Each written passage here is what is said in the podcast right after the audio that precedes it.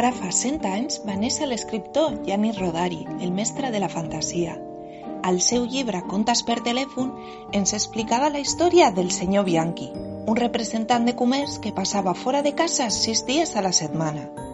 Perquè la seva filla no es quedés sense conte per les nits, cada dia la trucava per telèfon i li explicava un conte, un conte de bona nit.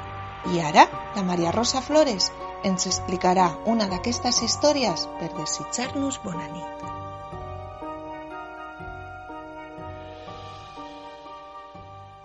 El planeta de la veritat. El text següent està copiat d'un llibre d'història que s'utilitza a les escoles del planeta Món. I parla un gran científic es deia Brun. Bé, allà dalt, totes les paraules acaben en un, per exemple, no es diu pas la lluna, sinó l'un llun.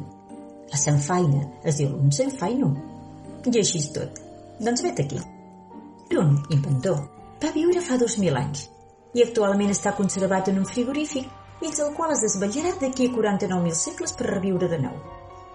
Era encara un nen de bolquers quan va inventar una màquina de fer de Sant Martí que funcionava amb aigua i sabó, però en comptes de bombolles senzilles a sortir arts de Sant Martí de totes mides, que es podien desplegar d'un cap a l'altre del cel i servien per a moltes coses, fins i tot per estendre la roba.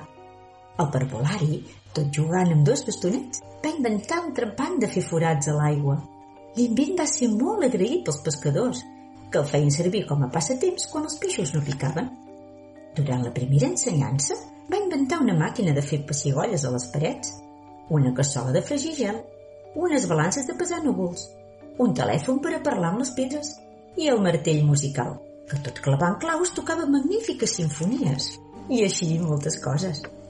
Seria massa llarg recordar totes les seves invencions. Citem només la més famosa, és a dir, la màquina de dir mentides, que funcionava amb fitxes.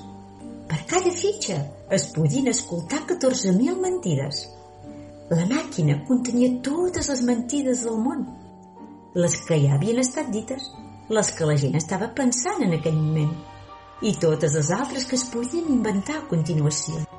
Quan la màquina va haver xerrat totes les mentides possibles, la gent has de veure obligada a dir sempre la veritat.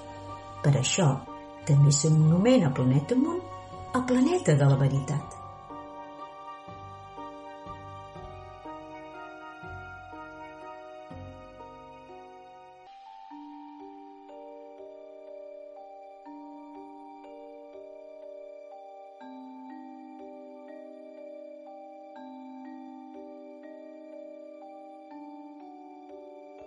I demà a la mateixa hora un nou conte per telèfon, Els cabells del gegant.